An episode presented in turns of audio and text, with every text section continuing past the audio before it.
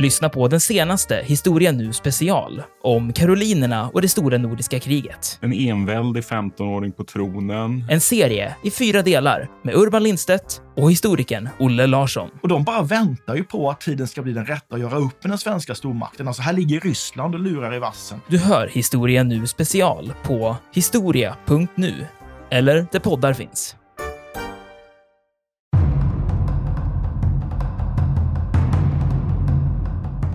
Och det som händer då här som är så fatalt är att när Reno kommer ner på slätten och frontalanfaller indianlägret, ja då går det ju åt helvete.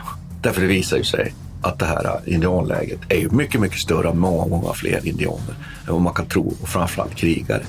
Så han tvingas ju helt enkelt på reträtt upp i skogen och över, över en ravin, ravin och över den här Little Big Horn och han hamnar så småningom på en höjd och där man samlar ihop då resterna av hans trupp, de har stora förluster och de som kommer bakifrån, då Benty och ytterligare ett kompani med trossen och där kommer de att faktiskt lyckas försvara sig så småningom ett ytterligare ett dygn. Så att de, där räddas de.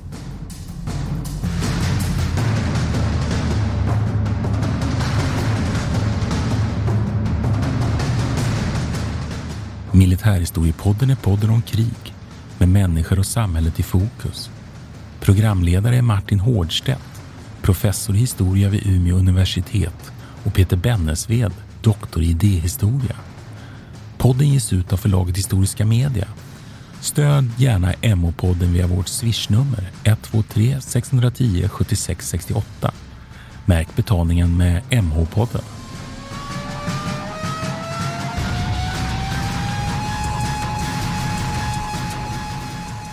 Välkomna till Militärhistoriepodden. Jag heter Martin Nordstedt.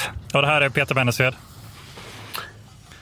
Eh, den 25 juni 1876, faktiskt ganska precis vid klockan halv sex, så låg mer än 210 soldater döda ur sjunde kavalleriregementet på en ås i närheten av Little Bighorn River i nordvästra USA. Och det här var Custers klassiska last stand, eller sista strid som man brukar säga på svenska då, mot eh, en indianstyrka. Vad hade hänt? Alltså halva sjunde kavalleriregementet hade utplånats inom loppet egentligen av en halvtimme eller en timme. Vad hade hänt? Hur hade man hamnat här? Och det vi ska vi tillbaka till de här så kallade indiankrigen i USAs historia. Det tycker jag att det kan man väl börja med att problematisera, Peter. Vi, vi pratar om indianer. Är det lämpligt egentligen? Nej, jag tror inte det. Jag tror inte att det är egentligen den termen vi ska använda. Eh, och varför? Ja, men det är lite som eh, man, eh, man får inte använda ordet lappare om samer i Sverige heller. till exempel. Det är lite samma saker. Och det är för att det här är ett, ett begrepp som har tillskrivits de här folkstammarna, eller vad man ska kalla dem, ursprungsbefolkningen i USA av vita kolonisatörer från Europa. Och, mm. och framförallt så är det väl felaktigt för att eh, begreppet indianer liksom, eh, implicerar att det här är någon slags sammanhållen grupp. För det ja, det, är det största inte. problemet tycker jag faktiskt, att man, ju, man, man avidentifierar dem på något sätt och gör dem till en stor massa bara. Ja, exakt. Och det är de ju inte, utan det här består av, av uh, ursprungsbefolkningen i USA är ju ett, en väldig massa olika stammar egentligen och som har eh, in, ja, men lite som, eh, precis som de europeiska nationerna, väldigt olika folk då, med olika språk, olika kulturer egentligen som, som eh, inte alltid samarbetar utan även är i krig med varandra och, och, och strider om, om jaktmark eller olika saker. De är, alla är ju inte heller nomader, långt ifrån alla, utan många är ju bosatta också eller bofasta. Och så, mm. så det är väl, är väl ett av problemen här. Så när kolonisatörerna kommer till USA så möts de ju inte av något slags enat, eller det som idag är USA, då, de, de möts de inte av någon slags enad front ute i, i det som då, de då tycker är vildmarken, utan det består av helt enkelt fristående grupper som på något vis försöker tappert motverka den här vågen av, av eh, inflyttande vita egentligen. Och det är väl kanske det framförallt därför som inte, inte stämmer så bra med den här termen indianer. Man kan säga att den här, den här då, som man säger, den här långa processen som ju inleds från egentligen det att, att den vite mannen sätter sin första fot på den nordamerikanska kontinenten och fram nu då egentligen till 1890 och däremellan är ju den här äh, händelse ska man kunna säga, explosionen kring 1876 som vi kommer att prata om, det här stora, the, Big Sioux War, det stora kriget om de här områdena borta. Då vi kan ju direkt placera det här i, framförallt i de västra delarna av South Dakota. Eh, och där ju Custer, som jag nämnde i inledningen här, han är ju en av de här aktörerna i det här kriget som, som var. Men jag tycker att vi kan inte, vi ska kan inte börja där, för då blir det obegripligt, utan, utan alla de här nu då, eh, stammarna av amerikansk urbefolkning, de, de pressas ju västerut. Ja, precis. Och, och när vi är framme vid mitten eller andra delen av 1800-talet så kämpar ju egentligen de här mot en, en moderniseringsprocess som ju på något sätt är, det kommer ju sluta bara på ett enda sätt egentligen. Därför nu har man byggt då järnväg genom de här områdena. Det finns få områden längre med naturligt med buffeljordar som man kan leva av. Det här normaliserade livet blir så småningom en, en omöjlighet och att de, de, de vita amerikanerna ju pressar på västerut. Och där skulle man väl kunna ta upp också ur det, det, det vita USAs synvinkel att man, man levde ju i en tid där man ju också menade att, att det amerikanska folket var utvalt. Man brukar ju prata om manifest destiny. Det här var liksom det amerikanska folkets drift att utforska att ta över hela den, den eh, amerikanska kontinenten ända bort till Stilla mm. havet. Och sprida sin civilisation på något vis. Ja, mm. precis. Och där står då alla de, den här urbefolkningen, alla de här stammarna och deras livsstil står helt enkelt i vägen. Och det, det krockar och det går inte att kombinera, menar man ju då från, från den vita amerikanska sidan. This is Paige, the co-host of Giggly Squad, and I want to tell you about a company that I've been loving, Olive and June. Olive and June gives you everything that you need for a salon quality manicure in one box. And if you break it down, it really comes out to $2 a manicure, which is absolutely insane. It's also so easy to get salon worthy nails at home with Olive and June. The difference between how your nails used to look when you did them yourself and now with the Manny system is a complete game changer. The best thing about Olive and June too is it's a quick dry. Dries in about one minute, lasts for five days, and full coverage in up to one to two coats. Visit oliveandjune.com slash perfectmanny20 for 20% off your first system. That's oliveandjune.com slash perfectmanny20 for 20% off your first system system. One size fits all seemed like a good idea for clothes. Nice dress. Uh, it's a it's a t-shirt. Until you tried it on. Same goes for your health care. That's why United Healthcare offers a variety of flexible, budget friendly coverage for medical, vision, dental, and more. So, whether you're between jobs, coming off a parent's plan, or even missed open enrollment, you can find the plan that fits you best. Find out more about United Healthcare coverage at uh1.com. That's uh1.com. Quality sleep is essential. That's why the Sleep Number Smart Bed is designed for your ever evolving sleep needs. Need a bed that's firmer or softer on either side? Helps you sleep at a comfortable temperature? Sleep Number Smart Beds let you individualize your comfort so you sleep better together. JD Power ranks Sleep Number number 1 in customer satisfaction with mattresses purchased in-store. And now, save 50% on the Sleep Number limited edition Smart Bed for a limited time. For JD Power 2023 award information, visit jdpower.com/awards. Only at a Sleep Number store or sleepnumber.com. Man kan väl också börja med att säga att det inte bara är de vita amerikanerna som är skyldiga till den här, utan det här är en process som har påbörjats långt tidigare också. Utan det här är framförallt så de, de eh, stammarna som vi pratar om nu, de som heter eh, zoo-indianerna, ja, eller Teton, Teton zoo kallas de också. Ibland går de under namnet Lakota också. Eh, det, det är många olika namn här. Då. Men de har ju då drivits in i det här området som idag är South Dakota och Wyoming och Montana egentligen. De tre områdena väster om Missourifloden. Där har de ju drivits dit tack vare att en annan grupp eh, ursprungsbefolkning som då hette eh, Chippewas då har, har liksom spritt sig söderut egentligen på grund av att de har då börjat handla med franska kolonisatörer i södra Kanada.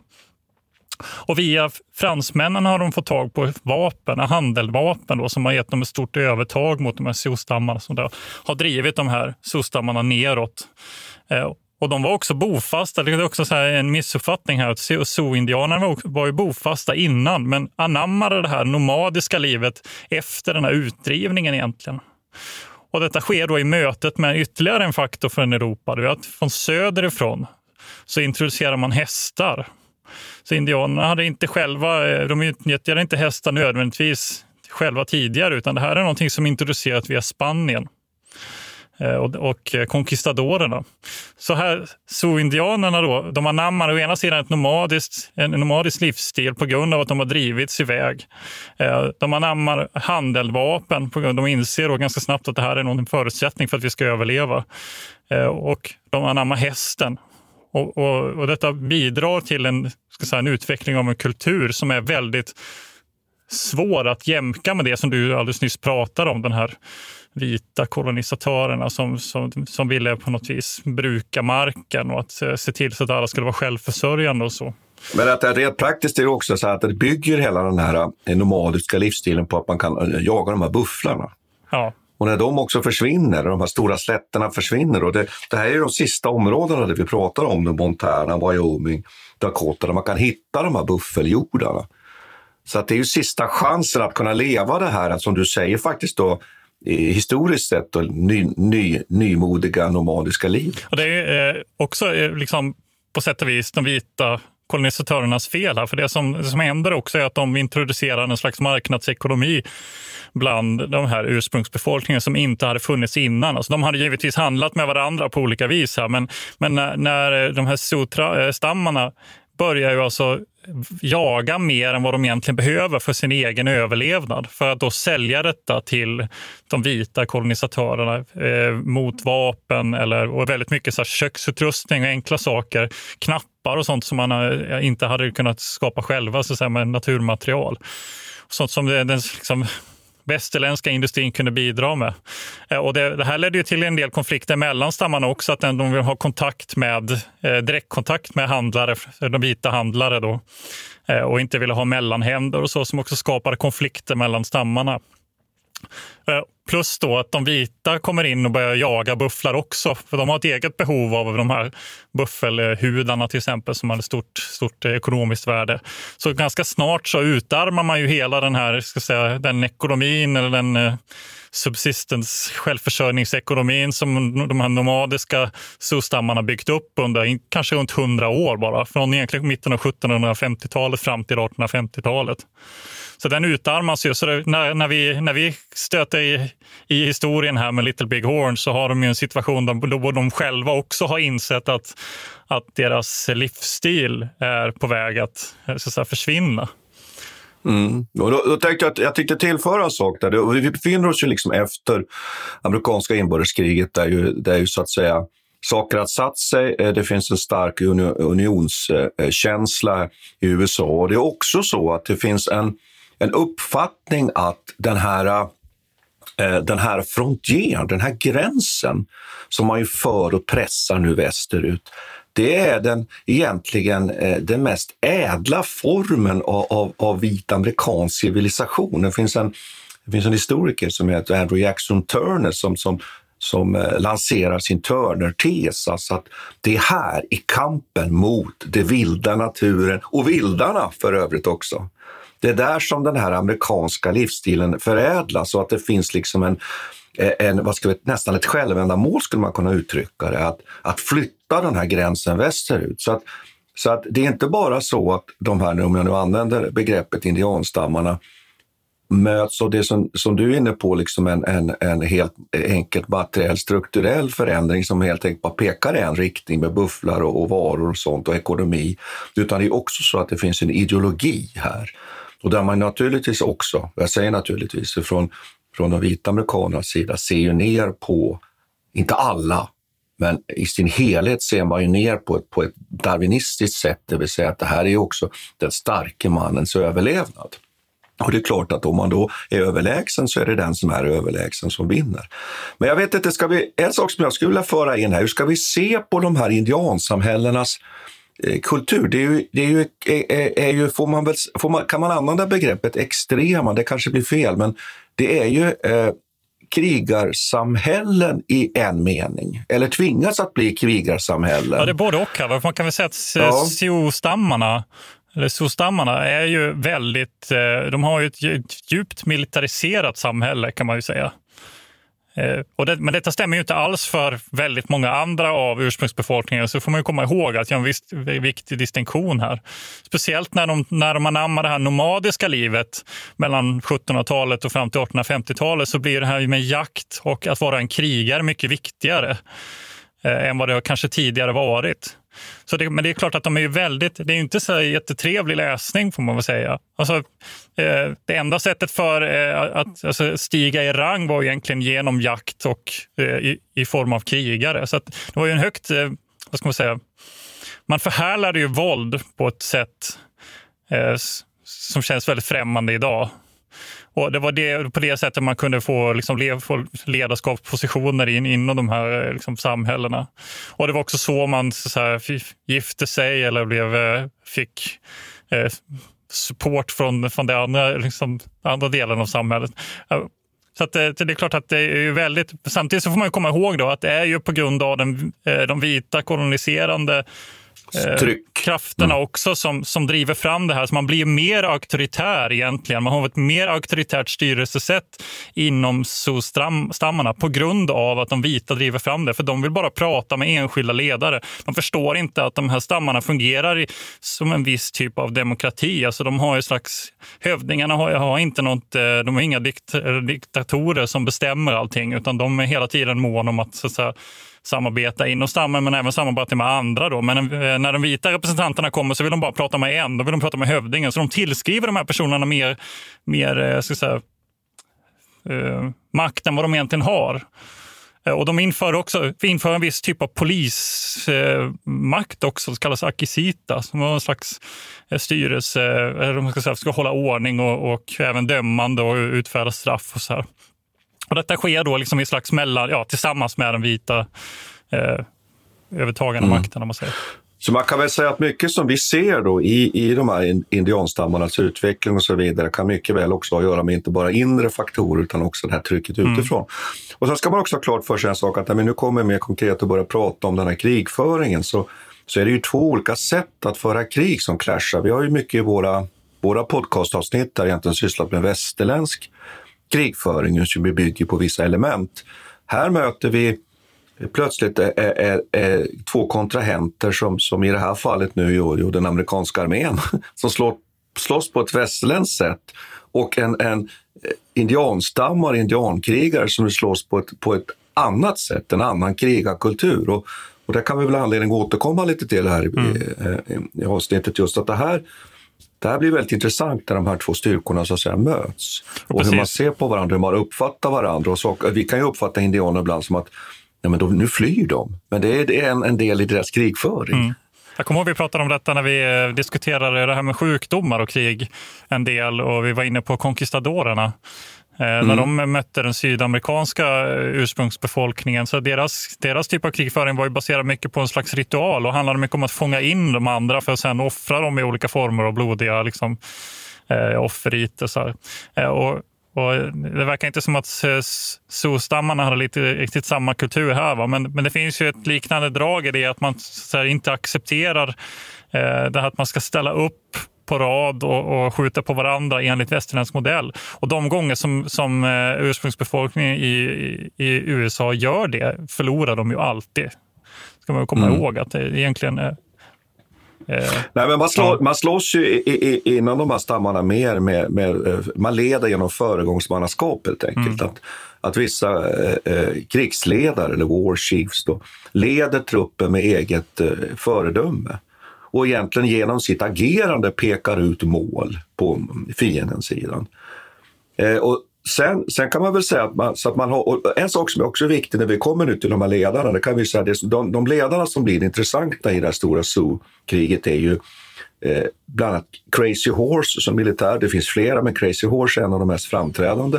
Men också Sitting Bull som ju egentligen är religiös medicinman från början och som inspirerar kulturellt. Vi ska, vi ska säga, beskriva det här mer. Men de här personerna har egentligen inte det vi skulle kalla för en strategi.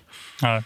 Att de, utan de, de är mera slåss så att säga eh, kanske möjligtvis liksom taktiskt där det händer och sker. Kanske lite skulle vi kalla det för operativ nivå. Att de har ett visst eh, idé om hur de ska kunna slåss mot eh, här, de, de vita trupperna. Men det är viktigt där och, och också att, att mycket av de här striderna de utvecklas som de utvecklas. Mm. Det finns inte på förhand tydliga planer nödvändigtvis. Nej. Eh, däremot är de ju att betrakta som oerhört, de är ju helt överlägsna man, man mot man de här naturligtvis mm. indianerna om man jämför med en, med en vanlig normal kavallerisoldat i sjunde kavalleriet. Absolut. Det är ju krigare, eh, fantastiska krigare och bemästra hästen sätt. på ett så eh, vansinnigt sätt. Alltså bara på hundra år så anammar man en hästkultur och sen blir liksom fullkomligt mm. överlägsen egentligen på hästryggen. Ja. Och sen kan man väl också nämna här också när det gäller beväpning så har vi klarat av det att, att eh, eh de indianstammarna som ju möter de vita då i, i det här eh, zookriget, de har ungefär hälften i beväpnande med olika typer av, av handeldvapen. Det kan vara Winchestergevär, det kan vara repetgevär och, så. Eh, även pistoler faktiskt. Att ungefär hälften har faktiskt eldhandvapen. Sen är det olika ammunitionstyper och så vidare. Och så. Men de är ganska väl försedda ändå faktiskt mm. med, med skjutvapen och det kan vara viktigt här. Skulle, det skulle vara läge för mig att bryta in med en, en lång harang om, om pilbågar faktiskt. Men jag får erkänna att just den här gången så har jag inte läst in mig så jättemycket på zoo. Jag vet att de använder pilbågar, på, i alla fall på korta distanser var de ganska effektiva. Och de var ju kända för sina såna här kompositvarianter. man bygger upp med scener och, och horndelar och sånt där. Men, men eh, ja, jag får spara det till ett annat, eh, till ett annat avsnitt. Hej, jag Ryan Reynolds. På Mint Mobile, we like to do the opposite of what Big Wireless does. They charge you a lot. We charge you a little. So naturally, when they announced they'd be raising their prices due to inflation, we decided to deflate our prices due to not hating you.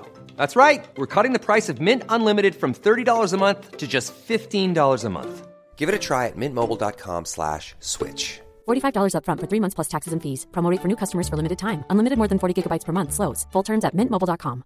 Many of us have those stubborn pounds that seem impossible to lose, no matter how good we eat or how hard we work out. My solution is plush care PlushCare is a leading telehealth provider with doctors who are there for you day and night to partner with you in your weight loss journey. They can prescribe FDA-approved weight loss medications like Wagovi and Zepbound for those who qualify. Plus, they accept most insurance plans. To get started, visit plushcare.com slash weight loss. That's plushcare.com slash weight loss. Quality sleep is essential. That's why the Sleep Number smart bed is designed for your ever-evolving sleep needs. Need a bed that's firmer or softer on either side? Helps you sleep at a comfortable temperature? Sleep Number smart beds let you individualize your comfort so you sleep better together. JD Power ranks Sleep Number number 1 in customer satisfaction with mattresses purchased in-store. And now, save 50% on the Sleep Number limited edition smart bed for a limited time. For JD Power 2023 award information, visit jdpower.com/awards. Only at a Sleep Number store or sleepnumber.com.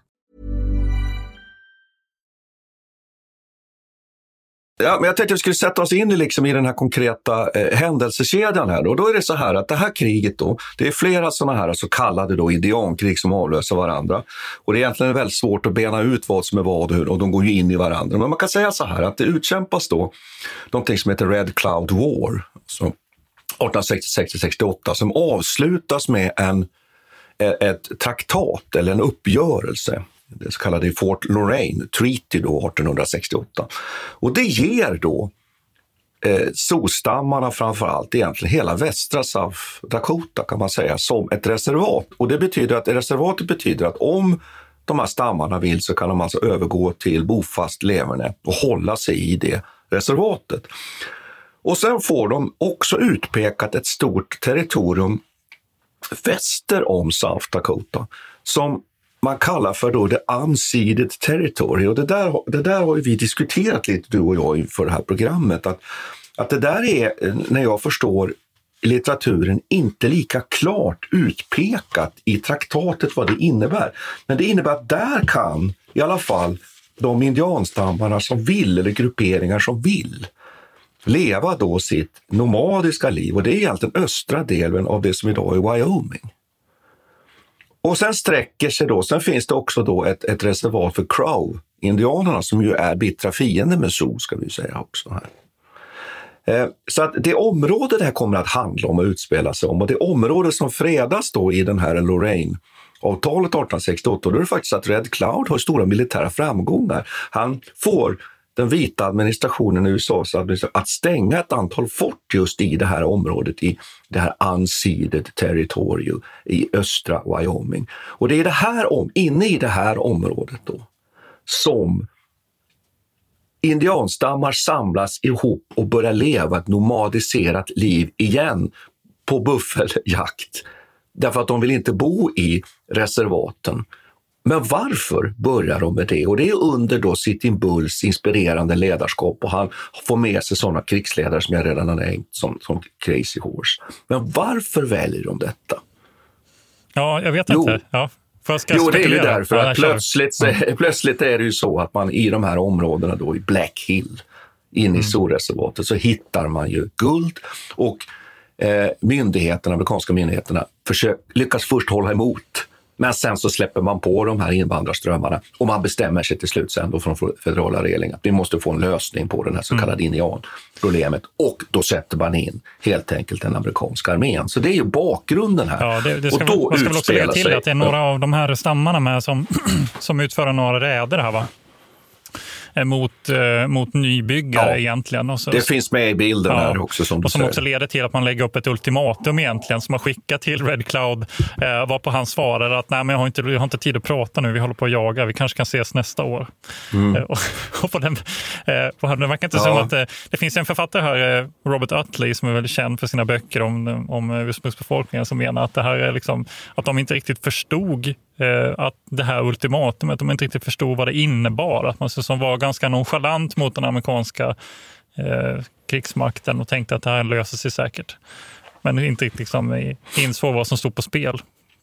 Ja, och det som den amerikanska armén har som uppdrag det är ju egentligen att fånga in de här eh, indiangrupperingarna och föra dem in i reservaten och rensa det här området för att få lugn och ro, och få bort det här hotet då mot nybyggarströmmarna. Och den taktik man ofta använder sig av den är ju helt enkelt att anfalla då de här lägren på ett väldigt för oss vi hade ju ett program om krigets lagar här, här om sistone, där man ju anfaller och skjuter på civila, kvinnor och barn och man tar ofta gisslan och tvingar då de här krigarna då att ge upp helt enkelt och finna sig i, i de här nya förhållandena.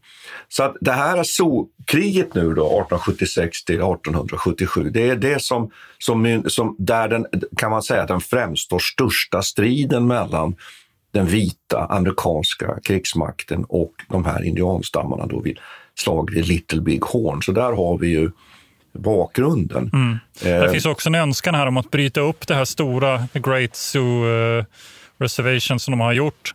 Att man vill bryta Mm. upp den i mindre. För man inser ju att så småningom att dels det är ju trycket från nybyggarna enormt. Där. Det kommer ju nya människor hela tiden eh, och som, som köper mark och som, som tillåts bygga upp här och som man vill försöka lösa detta samtidigt som guldruschen pågår.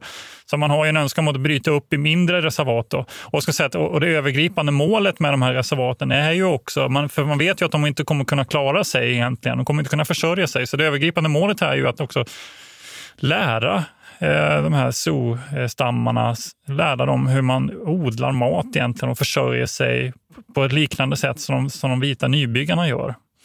Och det här vill de ju inte, för eftersom all prestige egentligen, all deras kulturella prestige sitter i jakten och deras nomadiska liv som de har byggt upp under, under hundra år. Så det finns ju också den ideologiska biten i, i rent praktiska termer bygger ju på att man då ska dels, dels lära dem eh, odling bara, Eh, och att man ska eh, också undervisa deras barn. Man ska sätta, sätta alltså de här eh, stammarnas barn och hämta dem och sätta dem i skolor. Utbildade av olika kristna eh, missionärer egentligen som står för den här skolgången. Så det här är en, liksom en slags, eh, det är både, då med, med både piskan och en morot på något sätt. Men man, så stammarna förstår ju givetvis att det här är liksom, det finns ett ont, ett ont uppsåt där i, i, bakom. Ja, man, man kan väl lägga till en sak här också. Mm. Att, en så, eh, att ett, ett, ett sätt man lockar då de indianstammarna till att, att, att finna sig i det här bofasta livet är att man då delar ut ransoner till dem också. Mm. Och sen har man ju de här indianbyråerna då. Också med, som har fysiska platser. Jag har lite svårt att fatta vad, de, vad, det, vad det är Ja, man egentligen. har någon sorts administration där, Ja. och där, där man då, precis som du, du pratar om här, det är väl där man egentligen vill skapa någon sorts nästan indiansamhällen då för att ha, ha helt enkelt kontroll på de här indianstammarna. Men, men det som händer är ju att man sätter ju in den amerikanska armén så småningom här och där har vi ju den här fascinerande Eh, ganska problematiska, tvetydiga och nog mer eller mindre galna kavallerigeneralen Custer som ju vinner sina sporrar under inbördeskriget. Han är ju en katastrof på West Point, men skicklig i fält och blir ju unionsarméns eh, yngste eh, general så småningom, men är ju ett, hela tiden ett problem för sina, sina överordnade och också för sina underordnade eftersom han är väldigt våldsam och brutal. Men han är chef då för den här kavalleriregementet som är en del av en stor styrka som går in i det här området. Och när vi rör oss då nu mot den här 25 juni och den här slutliga eh, katastrofen, då, slaget vid Little Big Horn, katastrofen ur Casters synvinkel, då, så kan man säga att Kaster har fått en uppgift att egentligen rekognosera, egentligen inte anfalla. Och här är typiskt Kaster, han skiter i sina order helt enkelt. Och det han gör är att han närmar sig då en stor indianläger som han tror är mycket, mycket mindre. Och trots att de här då indianscouterna, bland annat från Crow-indianer som han har med sig, säger till honom att det här är det största vi någonsin har sett på årtionden, så tror han inte på detta. Utan han helt enkelt sätter in ett, ett, ett anfall mot det här stora läget vid Little Big Horn River. Och det är ju det som är fatalt. Han underskattar sin motståndare totalt.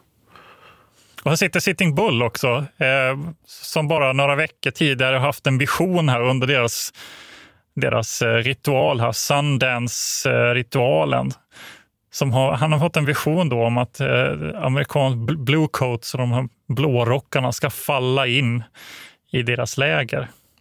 Så på sätt och vis har de ju, eh, och de, och de rustar sig enligt den här visionen kan man väl säga. Men, men just vid det här läget så är, känner de, förstår de att Castro är på väg eller?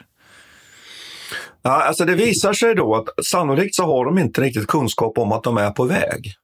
Utan Custer kommer ju, så att säga, nu är det det här med väderstrecken, men jag tänker så att om, om lyssnarna tänker sig den här floddalen Little Big Horn Valley, där rinner en flod, där finns det då indianlägret där nere och sen finns det då en höjd och egentligen då en nord, öst eller norr om den här floden, en höjdsträckning. Och längs den här höjdsträckningen rör sig nu då det, det vita kavalleriet. Och Kaster väljer att dela in då den här truppen egentligen i tre huvudsakliga delar. Han skickar då en befälhavare som heter Reno ner på slätten för att attackera rakt på det indianlägret.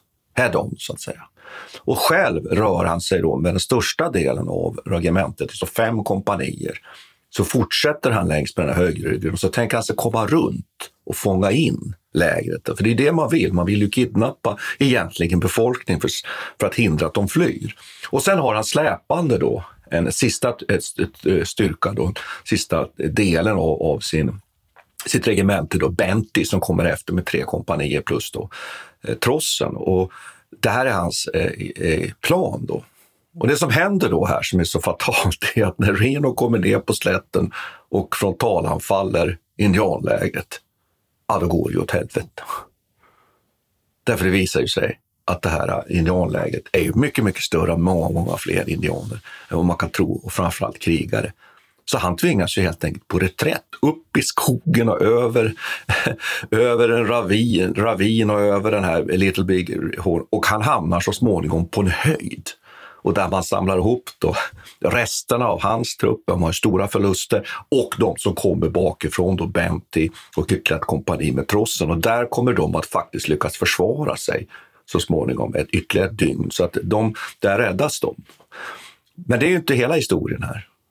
Utan Custer med fem kompanier fortsätter ju längre, längre eh, längs med den här höjdryggen och hamnar helt enkelt under anfall från flera olika håll då, av helt överlägsna indianstyrkor. Och hela den här händelsekedjan där, vad som händer, där någonstans på eftermiddagen fram då tills det här är över, sannolikt vid halv sex-tiden, det tycker jag är så fascinerande. Det tycker jag vi skulle kunna prata lite om. För vad vet man egentligen händer där uppe egentligen? Och vad har man för kunskaper efter? För det brutala är ju att ingen överlever ju.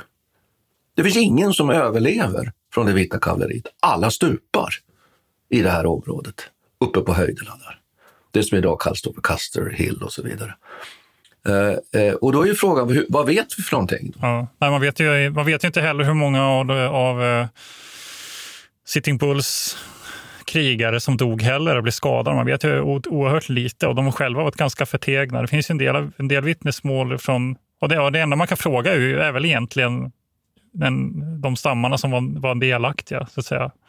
Men finns det inte någon, ja. Jag vet att de hade någon journalist med sig som dog. Eh, men fanns, fanns det ingen... Var det inte...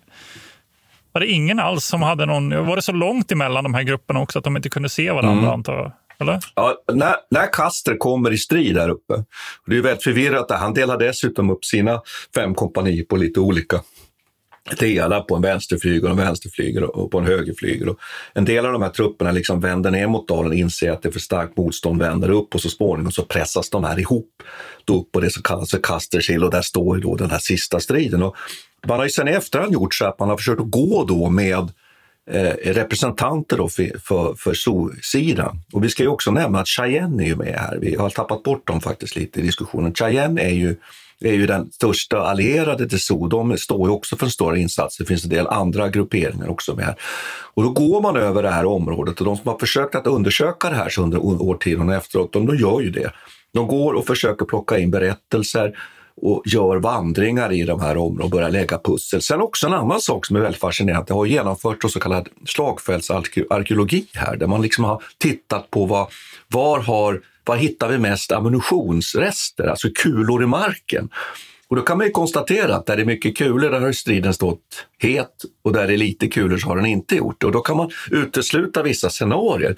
Det som är intressant är att man gör, det finns ju en sån här myt om att man sparar en kula, att många soldater begår självmord och så vidare. Att man skjuter slut på ammunitionen. Det finns, när man tittar på heroiserade målningar av slutstriden, då står ju alla upp och det finns till och med en berömd sån hornblåsare som blåser och sådär. Men det här förefaller inte vara, vara vad som verkligen hände, utan det är så här att de, de, den amerikanska truppen de är alltså eh, eh, underlägsna när det gäller eh, eh, eh, eldgivningen. Det är eldgivningen som framförallt skördar offer här. De skjuts helt enkelt ner den ena efter den andra. Och många av de amerikanska soldaterna skjuter inte slut på sin ammunition. Det finns delar av Custers trupp där man har hittat då just med slagsarkeologi, att där har de legat och skjutit för där finns det väldigt mycket ammunitionspatron patronrester. Då. Och då vet, ser man att här har man då öppnat eld systematiskt och upprätthållit en form av eldlinje. Då. Men sen blir det en del eh, man-mot-man-strider. Eh, uppenbarligen. Kaster stupar ju själv eh, fram, framförallt av skott i buken och sen ett, har han ett skott i tinningen också, men där verkar det inte ha varit någon blödning. Så att man menar att det är ett skott i efterhand. Och sen när de här, de rids ju ner och bara kör sig över sannolikt. De gör inget motstånd, hinner inte göra motstånd för de är så överlägsna de här solkrigarna och Cheyenne-krigarna. Utan där någonstans också sen övergår ju det här till då att man, man eh, plockar av kläderna på det, det tar skalper och, och kropparna också skändas. Och där kan man ju fundera lite kring det här med det här kriget som rituell företeelse och sånt. Och det där känns, ju väldigt obehagligt. Ja, nej, men det är något som förfasar sig väldigt mycket över. Och i dagstidningarna under den här månaden efter Casters död så spekuleras det ju väldigt mycket i, i hur man behandlade just Casters lik. Alltså, och överhuvudtaget vem som dödade honom var, har varit supercentralt här för den, för den vita sidan och ta reda på det Eh, på olika sätt. Det finns ju massvis med berättelser om att hans hjärta skulle ha skurits ut och det skulle ha varit någon dans. På, hans, hans hjärta skulle satts på en påle och så dansat runt och de har liksom ska skurit av fingrarna på honom och öronsnibbar och grejer. Eh, men att man då ska ha lämnat skalpen för när den var för tunnhårig vid det här laget. Alltså det, det, det är mycket sådana här, eh, och det är ju bara myter, att man vet ju ingenting egentligen. Men det var ju en sån praxis, som, praxis de hade om man visade liksom sin framgång i krig genom att samla på sig sådana här skalper. Och, och sen, samtidigt så har man ju sagt att ja, men de lämnade Custer av respekt för hans, eh, liksom, hans förmåga som krigare och sånt. Men det vet man inte. Ja, man har ju hittat hans lik vad jag förstår. Men, men, jo, alltså hans lik, för det kan man ju säga för, för att avsluta historien då, att när, när Casters bataljon här nu då är helt överkörd och borta, så hör ju de här andra Reno, som ju också är spillrorna Renos trupper och Bentleys, som ju tillsammans nu håller, håller stånd på den här höjden. Och där man faktiskt gräver ner sig. Det tycker jag kan vara lite intressant här. Att man lär sig i inbördeskriget att gräva ner sig. Så man gräver ju ner sig, alltså en form av, av primitiva enkla skyttevärn. Och där, så att indianerna anfaller inte den här positionen, inser att det här går inte. Däremot har man ju ganska mycket förluster därför att indianerna skjuter på avstånd. Va? Men här klarar man sig faktiskt. Men man vet inte vad som händer och det här är en sak som i efterhand har diskuterats väldigt mycket. Att Castro hinner ju skicka en italiensk trumpetare tillbaks helt enkelt för att säga att nu får ni skynda på. Men den här italienaren vad jag har förstått i, i, i, i, skri, i historieskrivningen, han, han har så dåligt språk.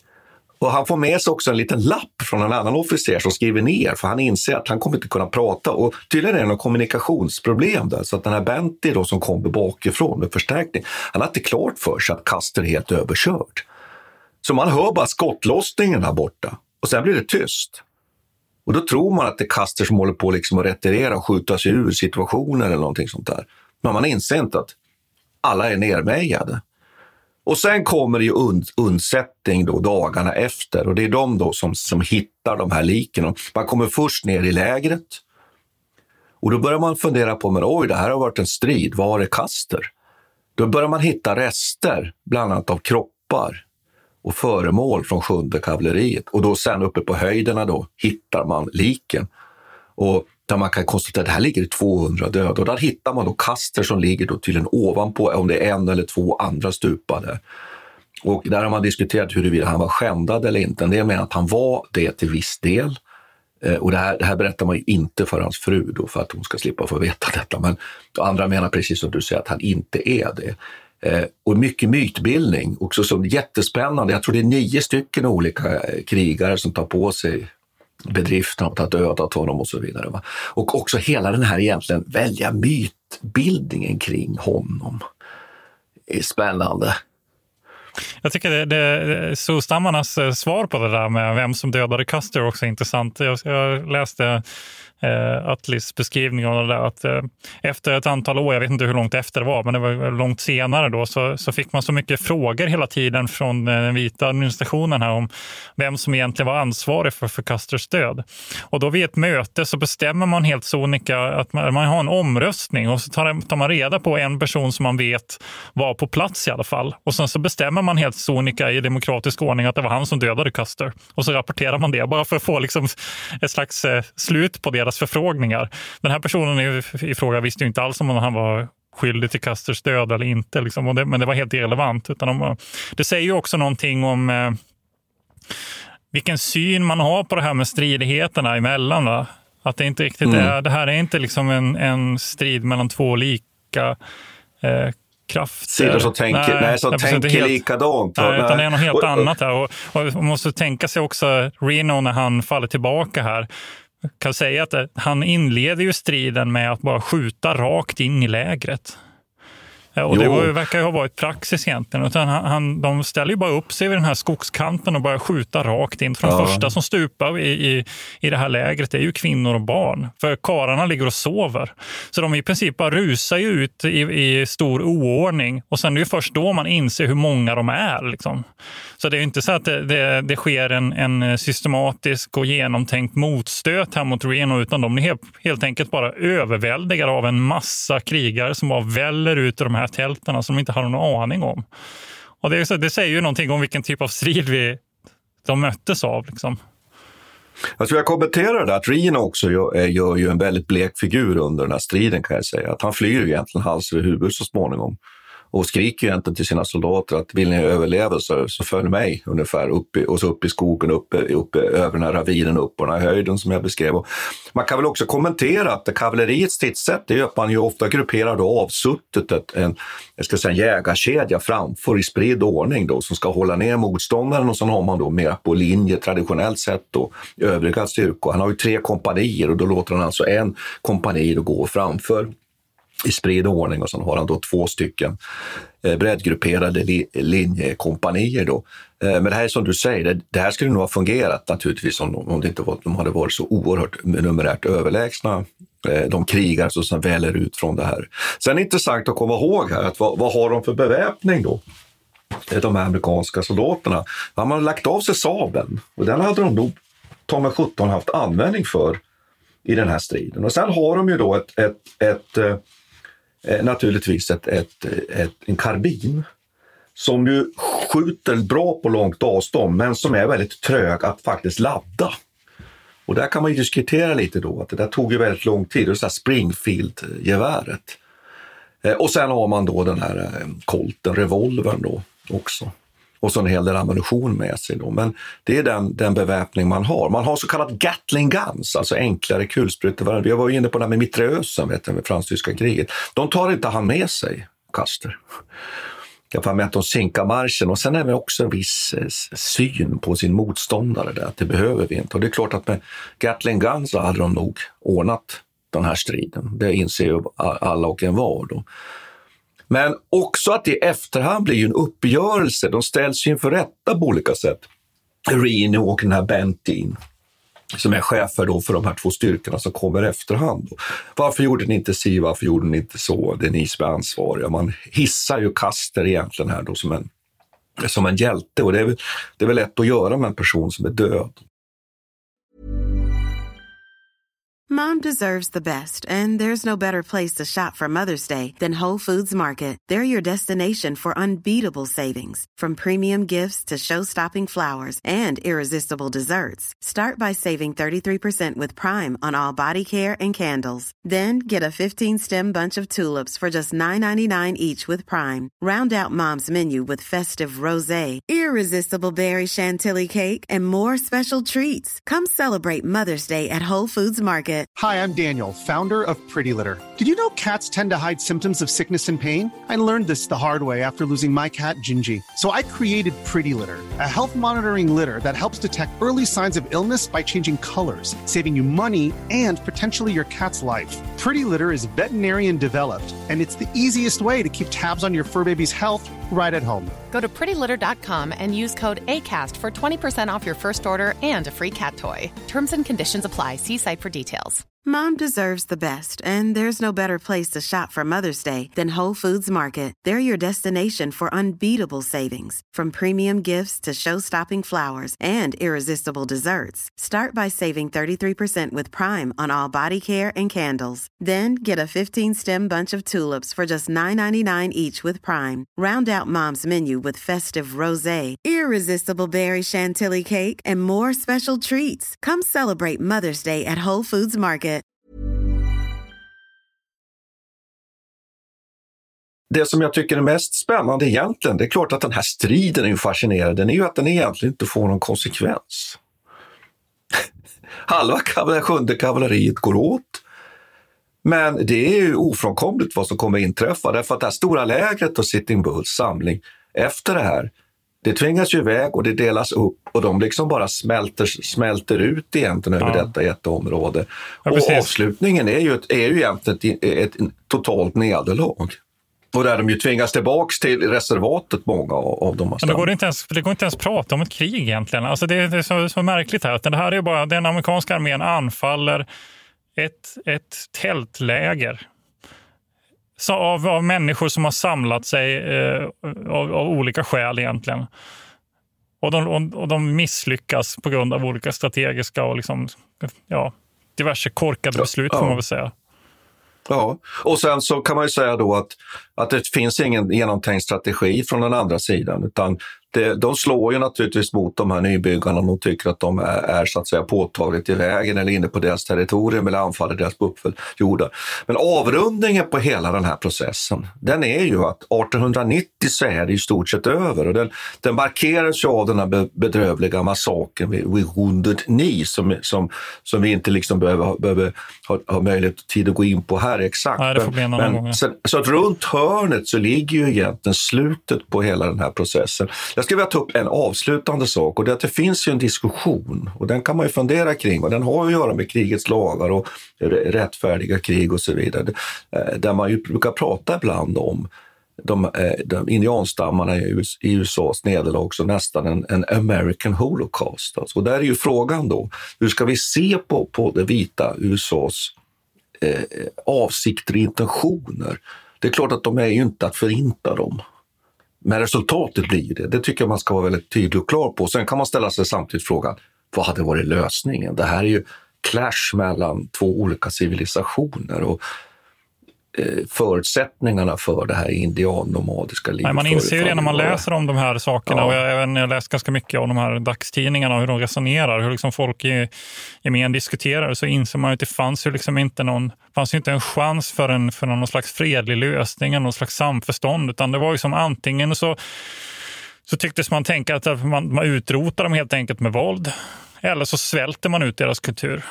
Och det är väl egentligen det man kommer fram till efter, här, efter Little Big Horn, att, eh, att eh, det, är, det är för farligt att, vara, att helt och hållet bekämpa dem enbart med våld, utan man får helt enkelt låta dem liksom självdö eh, på något sätt. På ett väldigt, ja, det, det är väldigt deprimerande läsning faktiskt. För när, för det finns liksom ingen som helst eh, önskan om, om någon slags samförstånds eh, samlevnad på något vis under några som helst villkor. Utan Eh, man har den här socialdarwinistiska inställningen egentligen att, att vi, vi, kommer att, vi kommer att köra över de här folken, vare sig de vill eller inte. Och det, är och det är intressant, jag får bara säga en sak också. Intressant är ju också att vi kan prata om American Holocaust för, eh, för, på, på det här sättet och likadant eh, Little Big Horn. Det bygger ju lite på att det här är en av de få, i Wounded Knee så har de den här Ghost Dance-rörelsen. eh, och eh, vid Little Big Horn så har de Sitting Bull som lyckas samla de här grupperna egentligen i ett läge. Det är ju två väldigt, alltså annorlunda fall där man faktiskt lyckas samla sig och alliera sig med varandra. För en, det de gör eh, efter eh, Little Big Horn är också att de, de börjar strida inbördes eller börjar bråka inbördes. Man tappar ju någon slags gemensam vision här. Så, så att de sprids ju ut. Va? Men vid de här två tillfällena när de, eh, så är de ju faktiskt enade och det är då man också kan prata om någon slags eh, vad ska man säga, två, två kulturer som möts eh, väldigt direkt. Mm.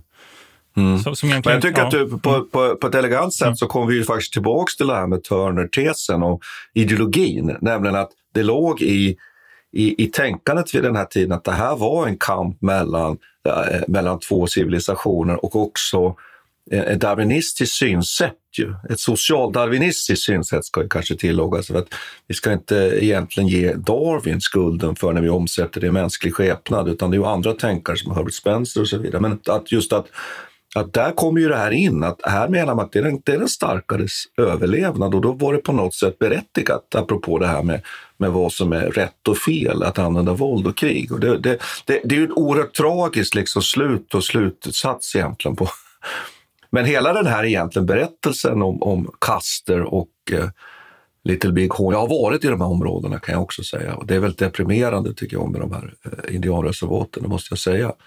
Så personligen har jag lite svårt att förhålla mig till det här. Jag, jag tycker att det är spännande, men å andra sidan så tycker jag det är ganska bedrövligt. Vad säger du Peter? Ja, nej, jag vet inte. Jag vet inte det, det, det går inte liksom... Sorgligt. Ja, Sorgligt. Det, är, det är en sorglig historia från början till slut egentligen. Eh, Och, de, ja, och den här önskan också att tillskriva, ibland säger man Sioux Nation. Att, eh, det finns ju en sån önskan från den vita sida också att eh, så samla dem i en slags, under ett nationsbegrepp här. Så man kan liksom, och då blir det också lättare att motivera den här socialdarwinistiska kampen mot dem. så att säga. Då blir, det också, då blir det inte lika uppenbart att det handlar just om en American Holocaust. Egentligen, om, man, om man då säger att det här var en nation som... Och det användes ju till exempel, man gjorde åtskillnad här mellan det man då kallade rödskinnen och de svarta och tyckte att de rö, rödskinnen hade ju åtminstone en mark. Alltså att de hade liksom ett landområde som de hade ägt medan den svarta befolkningen hade inte det. Och, det, och då ansåg man att de var liksom mer berättigade till underkastelse, den svarta befolkningen, eftersom de inte hade den, den historien. Så att det, ja, det är oerhört liksom, obehagligt sätt att resonera som inte är särskilt smickrande egentligen för, för den vita befolkningen. Man förstår ju verkligen, alltså, när man läser det här så förstår man ju verkligen de här konfliktlinjerna som fortfarande finns kvar. Alltså. Och, och att, det här, att eh, USA är ju å ena sidan utåt sett ett väldigt samlat land som, har, som, som bedriver liksom en ganska enhetlig politik utåt sett, men inbördes är det, kan det ju vara oerhört splittrat. Och man måste kämpa hårt för att hålla samman det. Liksom. Mm. En, enhetskultur. Och Man kan väl bara konstatera nu här när vi ska avrunda slutgiltigt. Här. Vi har försökt göra det en stund här så kan man konstatera att man har börjat plocka bort de här tillnamnen på amerikanska NHL-lag bland annat. Mm. Red Hawks och och sånt här. Och det, det Ja. kan väl kanske vara på sin plats att man ändå kan göra det i det 21 århundradet. Men vi, får väl tacka för oss Peter. Det Ja. blev nästan lite me- melankoli här. Men, Ja, men det är det. Det så måste det väl vara ibland. För, det, Ja. för det, är faktiskt, det är ju faktiskt militärhistoriepodden och vi, vi pratar om allvarliga saker. Så det kan Mm. inte alltid vara tjo och tjim. Eller hur? Ja, men vi kan väl avrunda och säga med att om det här avslutade i melankoli så ska vi väl återkomma med, med andra allvarliga ämnen. Och nästa gång är det korstågen, Peter. Precis. Det ska bli kul. Jag, jag har saknat eh, det här eh, att gå tillbaka lite längre bak i historien. Tycker det är intressant. Och då, det... Då kommer vi ha anledning att komma tillbaka till det här med olika kulturers sätt att föra Ja, krig. precis. Så på återhörande. Ja, tack för... Om ni orkar och har lust. Precis. Tack ska ni ha. Tack ska vi ha. Vi tackar Peter Bennesved och Martin Hårdstedt. Kontakta gärna Militärhistoriepodden via mejl på militarhistoriepodden historia.nu. Peter och Martin vill gärna få in synpunkter och förslag till programidéer.